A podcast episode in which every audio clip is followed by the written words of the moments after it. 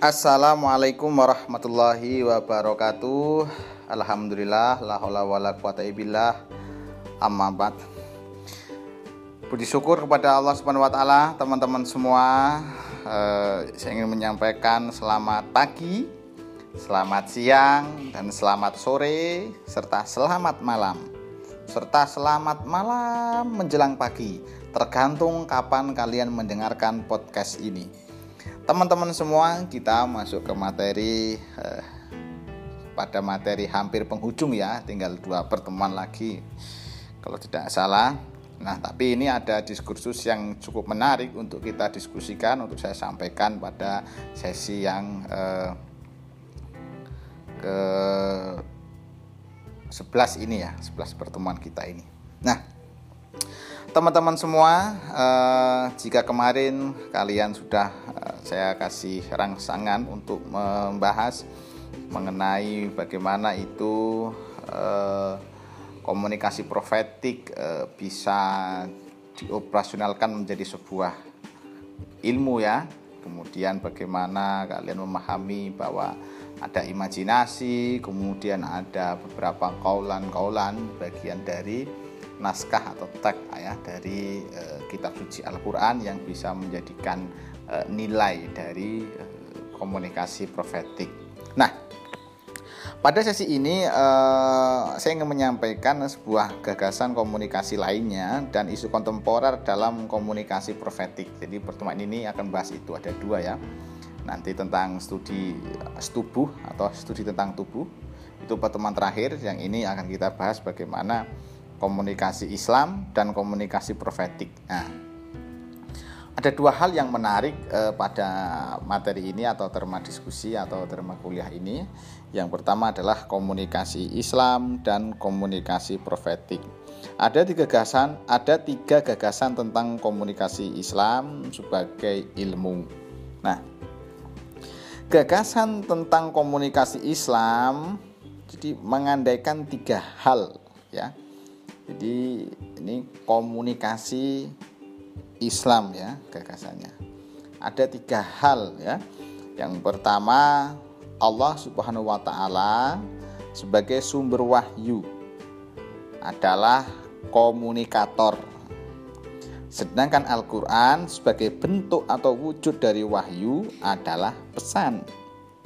Sementara malaikat yang membawa wahyu dari Allah Subhanahu wa taala adalah perantara atau medium.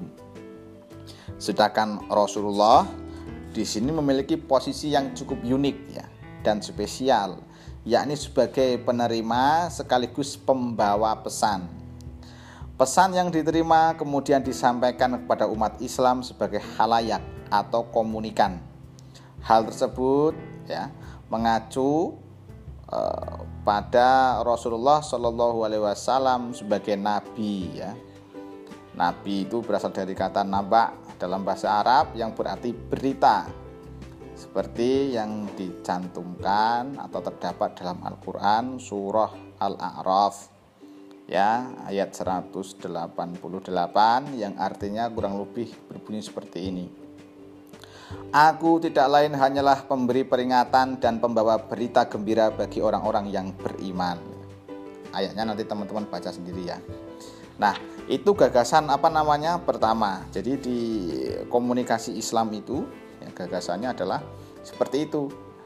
Jadi kalau teman-teman memahami bahwa apa namanya, misalkan teori-teori komunikasi klasik lah, Laswell dan teman-temannya itu ketika komunikasi adalah e, seorang komunikator menyampaikan pesan kepada komunikan melalui media ya, kemudian ada feedback dan seterusnya. Nah, ini kayak gini. Allah sebagai komunikatornya, kemudian uh, Al-Qur'an atau atau wujud ya dari wahyu itu adalah pesannya, kemudian malaikat sebagai pembawa atau perantara atau mediumnya itu. Nah, sedangkan Rasulullah sebagai penerima sekaligus pembawa pesan. Jadi, jadi ada unik ya kayak gitu. Nah, jika pengandian tersebut diteruskan Al-Quran sebagai kitab suci dapat dikategorikan sebagai salah satu jenis media massa cetak ya. Menurut uh, Rusdi Hamka dan Rafiq, Fungsi Al-Quran tidak jauh berbeda dengan fungsi yang dimiliki oleh media massa, yaitu fungsi informasi, edukasi, kritik, kontrol sosial, kemudian penyalur inspirasi dan aspirasi masyarakat, serta mampu membuat masyarakat merasakan keadaan di sekitar kita, baik di dalam lingkungan sendiri maupun di lingkungan mereka. Selain itu, penggunaan istilah muhsaf yang digunakan untuk merujuk pada Al-Qur'an itu mirip dengan surat kabar ya, muhsaf itu. Secara harfiah, muhsaf itu merupakan himpunan dari suhuf atau lembar-lembaran tulisan.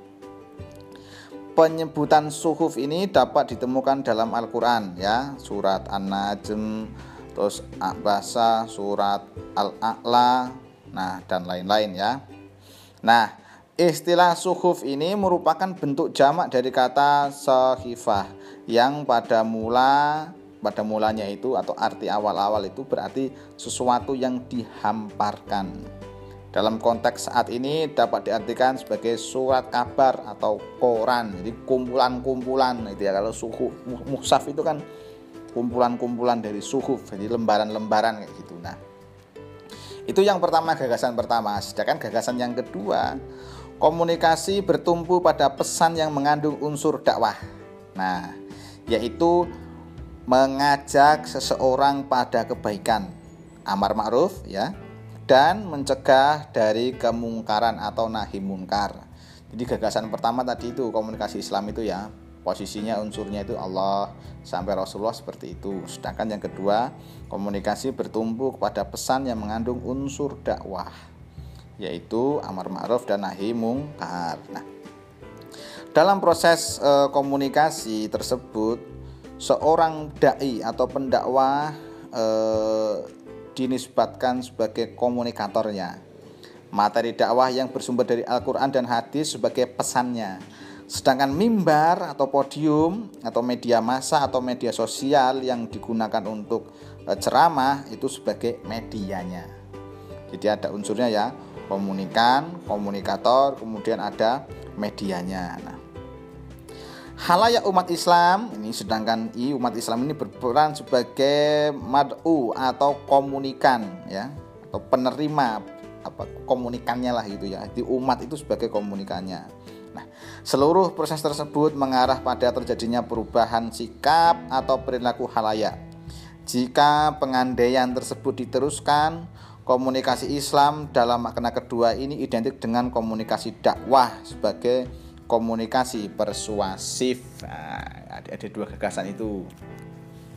Kemudian yang ketiga yaitu mengandaikan bahwa komunikasi itu bersifat vertikal komunikasi ilahiyah dan horizontal atau komunikasi insaniah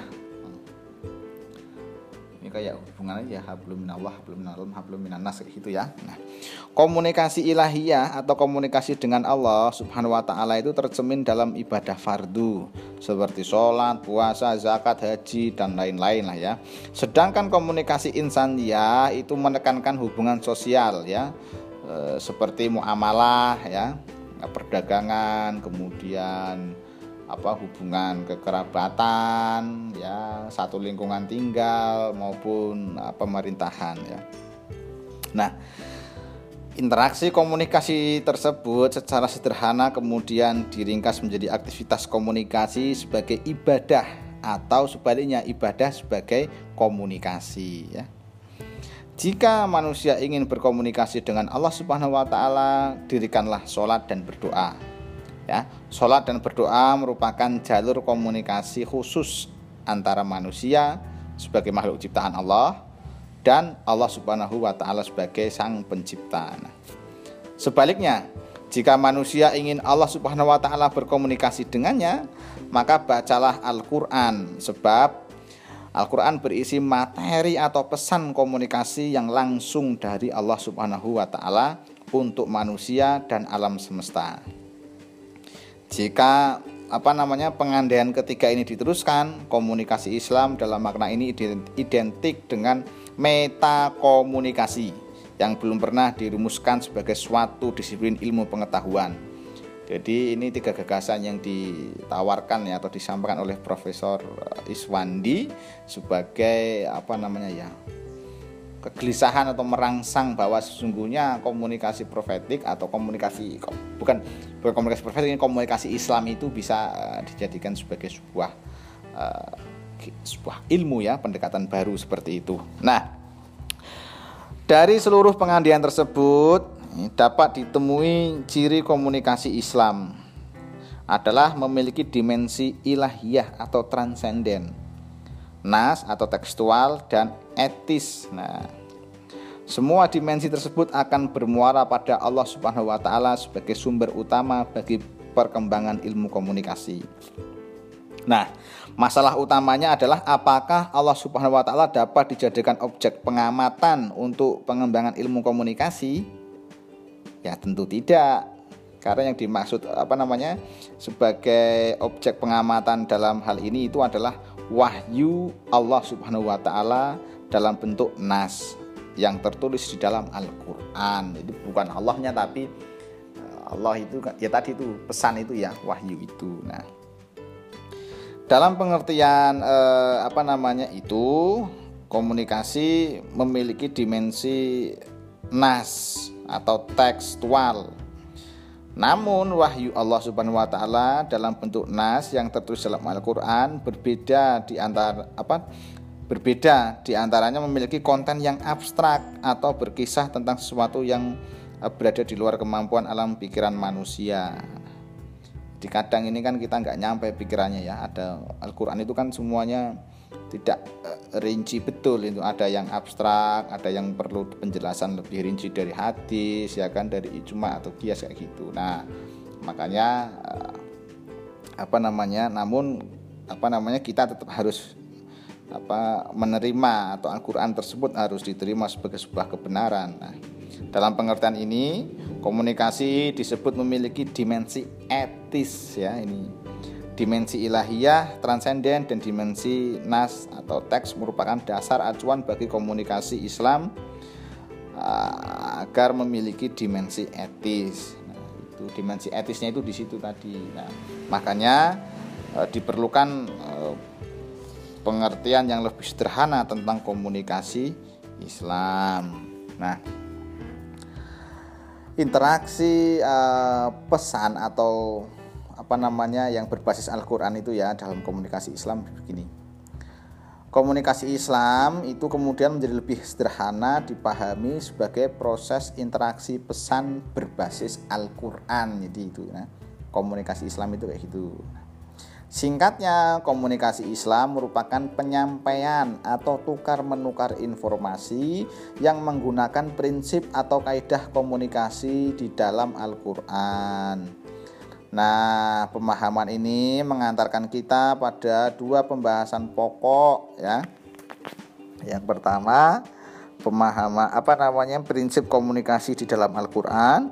Yang kedua, kaidah komunikasi dalam Al-Qur'an. Kalau prinsip komunikasi dalam Al-Qur'an sudah kita bahas sebagai muatan nilai profetik kan dalam komunikasi pada pertemuan yang lalu itu ya ada kaulan syadidan ya. Apa itu? Yaitu pembicaraan yang benar yang jujur yang lurus tidak bohong dan tidak berbelit-belit. Kemudian kaulan baligon apa itu? Yaitu komunikasi yang jelas maknanya terang dan tepat mengungkapkannya. Apa eh, dan tepat mengungkapkan apa yang dikehendaki ya itu. Jadi tepat sasaran lah Kemudian kaulan masyuron yaitu perkataan yang pantas yang tidak menimbulkan ketersinggungan kepada orang lain ya. Kemudian kaulan layinan yaitu kata-kata yang lemah lembut, menyentuh hati kan. Kaulan kariman, perkataan yang mulia yang tidak membuat orang marah. Yang keenam, kaulan ma'rufan yaitu kata-kata yang baik. Nah, uh, itu teman-teman ya apa namanya eh, kira-kira basis ya berbasis komunikasi Islam itu ada itu ya nah Adapun mengenai kaidah komunikasi dalam Al-Qur'an akan mengetengahkan pembahasan tentang berbagai tema ayat Al-Qur'an yang sesuai dengan level-level komunikasi, ya kan? Karena sifatnya interdisiplin dan multidisiplin keilmuan, diakui bahwa kalangan akademisi keilmuan komunikasi mengalami kesulitan untuk mengidentifikasi lingkup keilmuan komunikasi, ya kan? Nah, kemudian ini Mr. Robert Craig ya dalam bukunya Little John itu yang ditulis Griffin itu kemudian merumuskan tujuh tradisi sebagai perspektif yang berkontribusi dalam pengaruh pada perkembangan ilmu komunikasi ingat kan yaitu retorika, semiotika, fenomenologi, sibernika dan sosiopsikologi dan sosiokultural serta kritikal. Nah, kalau apa namanya eh, selain tujuh tradisi tersebut ada cara lain untuk memahami perkembangan ilmu komunikasi dengan menggunakan pendekatan level komunikasi. Nah, level komunikasi tersebut seperti spiral yang melingkar dari komunikasi intrapersonal hingga komunikasi antar budaya dan agama. Lingkaran spiral komunikasi tersebut hanya kategori yang disusun untuk mengurai berbagai hal yang berkaitan dengan lingkaran level tersebut. Nah, nanti ada tak kirim ya gambar level-levelnya gitulah ya nanti di grup WA kayak gitu. Nah, lingkaran spiral level komunikasi misalkan pertama adalah intrapersonal yang paling dalam kemudian interpersonal yang kedua kemudian komunikasi kelompok lebih besar komunikasi organisasi lebih besar lagi komunikasi massa lebih jauh lagi komunikasi internasional lebih jauh lagi komunikasi antar budaya atau agama nah sedangkan kalau komunikasi Islam uh, yang dipahami secara sederhana sebagai proses interaksi pesan berbasis Al-Qur'an itu uh, menemukan kaidah komunikasi dalam Al-Qur'an dengan mengetengahkan pembahasan tentang berbagai terma ayat Al-Qur'an sesuai dengan level-level komunikasi.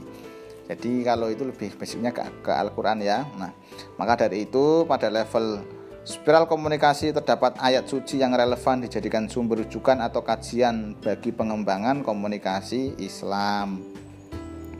Ayat Al-Quran yang relevan dengan level spiral komunikasi tersebut antara lain yang pertama eh, komunikasi intrapersonal nih ya ayatnya adalah ayat Al-Ghosiyah kemudian ayat Al-Baqarah Al-Ghosiyah itu ayat 7 eh surat Al-Ghosiyah ayat 17 sampai 20.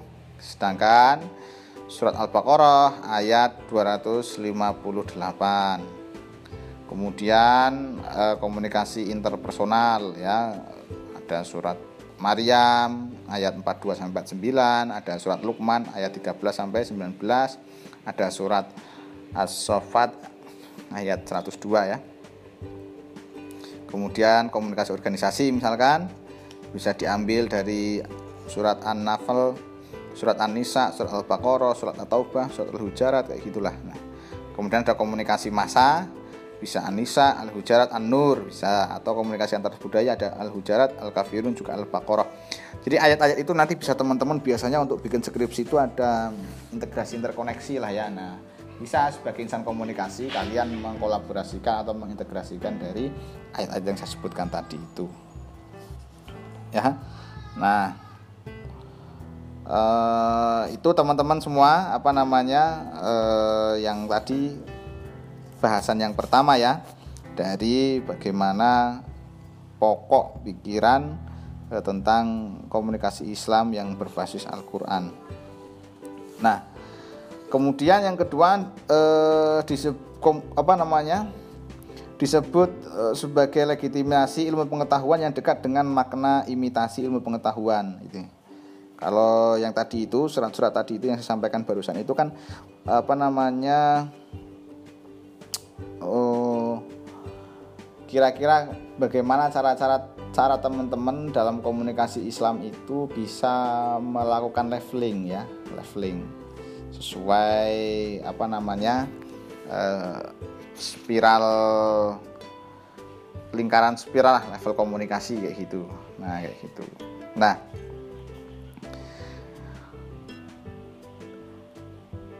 selanjutnya teman-teman untuk memahami itu nanti bisa kalian e, pelajari lebih lanjut ya. E, bagaimana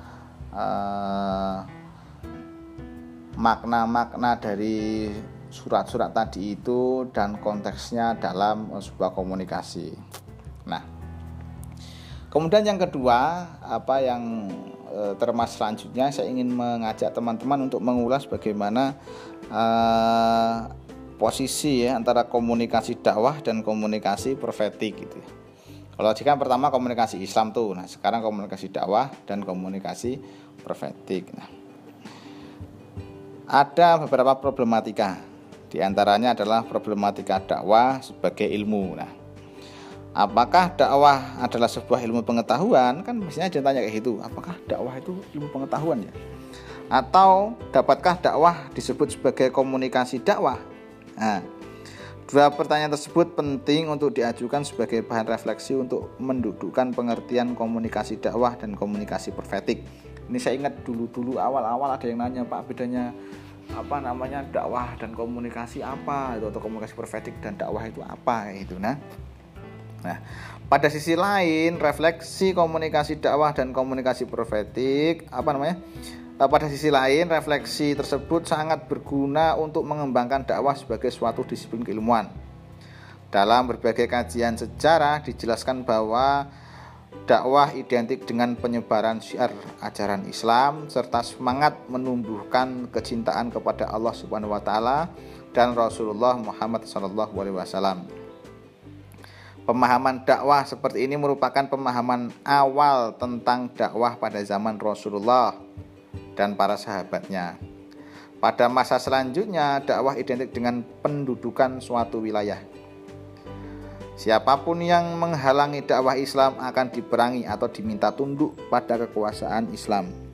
Dakwah menjadi senyawa dengan pengertian jihad ya, dalam arti berjuang dengan kekuatan senjata melawan musuh Islam. Seiring perubahan zaman, dakwah kemudian mengalami berbagai reformulasi metode. Perkembangan tersebut dapat ditelusuri dari simposium dakwah ya, yang diselenggarakan oleh himpunan apa namanya mahasiswa Islam dan Akademi Metafisika di Surabaya pada 23 Februari tahun 1962. Dari simposium tersebut muncul sejumlah pemikiran tentang pengembangan keilmuan dakwah. Ya. Nah, dari sinilah kemudian berkembang istilah dakwah bilhal, dakwah bilisan dan dakwah ibda binafsih. Padahal dakwah tidak cukup hanya dimulai dari diri sendiri atau ibda binafsih. Konsepsi apa ibda binafsi yang dimaknai menempatkan diri sebagai teladan mempunyai maksud bahwa kebaikan, ketulusan dan sikap santun dan kasih terhadap sesama tidak dipaksakan kepada orang lain, melainkan justru dimulai dari diri sendiri, tidak efektif apa nah? harus dimulai uh, dari diri sendiri, tidak efek, eh, tidak efektif, tidak efektif memberikan perubahan dalam situasi yang saling berelasi dalam sebuah pola sosial yang konstruktif fungsional. Jadi lebih apa ya? Intinya tidak memiliki dampak yang apa namanya e, lebih besar karena sistem sosial kita itu besar juga itulah ya. Tapi meskipun iya itu bagus lah ya. Nah, dakwah adalah transformasi sosial yang syarat dengan berbagai perubahan kolektif sehingga penekanannya bukan pada perubahan individu atau individual. Bila orang hanya sampai pada kesadaran individual, pastilah sistem pengetahuannya hanya sampai pada fakta individual. Nah, tentang akhlakul karimah misalnya, tentu berbeda dalam tatanan masyarakat agraris dan industrialis. Masyarakat dalam masyarakat industrial berkembang sistem kelas. Dalam apa namanya hal ini kelas majikan dan kelas buruh. Nah, ahlakul karimah bagi majikan adalah kelangsungan usahanya.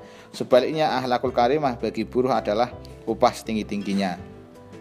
mana sebenarnya yang menjadi ahlakul karimah kan gitu nah karena itu pertanyaan pertama yang diajukan apakah dakwah sebuah ilmu pengetahuan nah, pertanyaan ini diajukan karena Haris Zubair memetakan empat hal problem ilmu dakwah yaitu yang pertama kedudukan dakwah sebagai ilmu dapat ditemukan pada argumentasi yang dapat menjawab sejauh mana dakwah memiliki kriteria sebagai ilmu. Yang kedua, menyangkut kejelasan ilmu dakwah yang dapat dipertanggungjawabkan secara sistemik. Kekhasan rancang bangun keilmuan dakwah tentu harus menggambarkan keterkaitan antara kebenaran ilmu pengetahuan yang empiris, kemulia apa keilmuan sosial manusia keilmuan sosial kemanusiaan dan keilmuan transendentif. Yang ketiga, menyangkut metodologi dakwah sebagai ilmu. Dalam perkembangannya, persoalan krusial yang diperdebatkan senantiasa menyangkut objek material dan objek formal dakwah, baik sebagai ilmu maupun sebagai objek kajian. Dan yang terakhir, sejauh mana dakwah sebagai ilmu dipertanggungjawabkan produknya sebagai proses logika yang di dalamnya ditemukan keterkaitan antara premis dan simpulannya.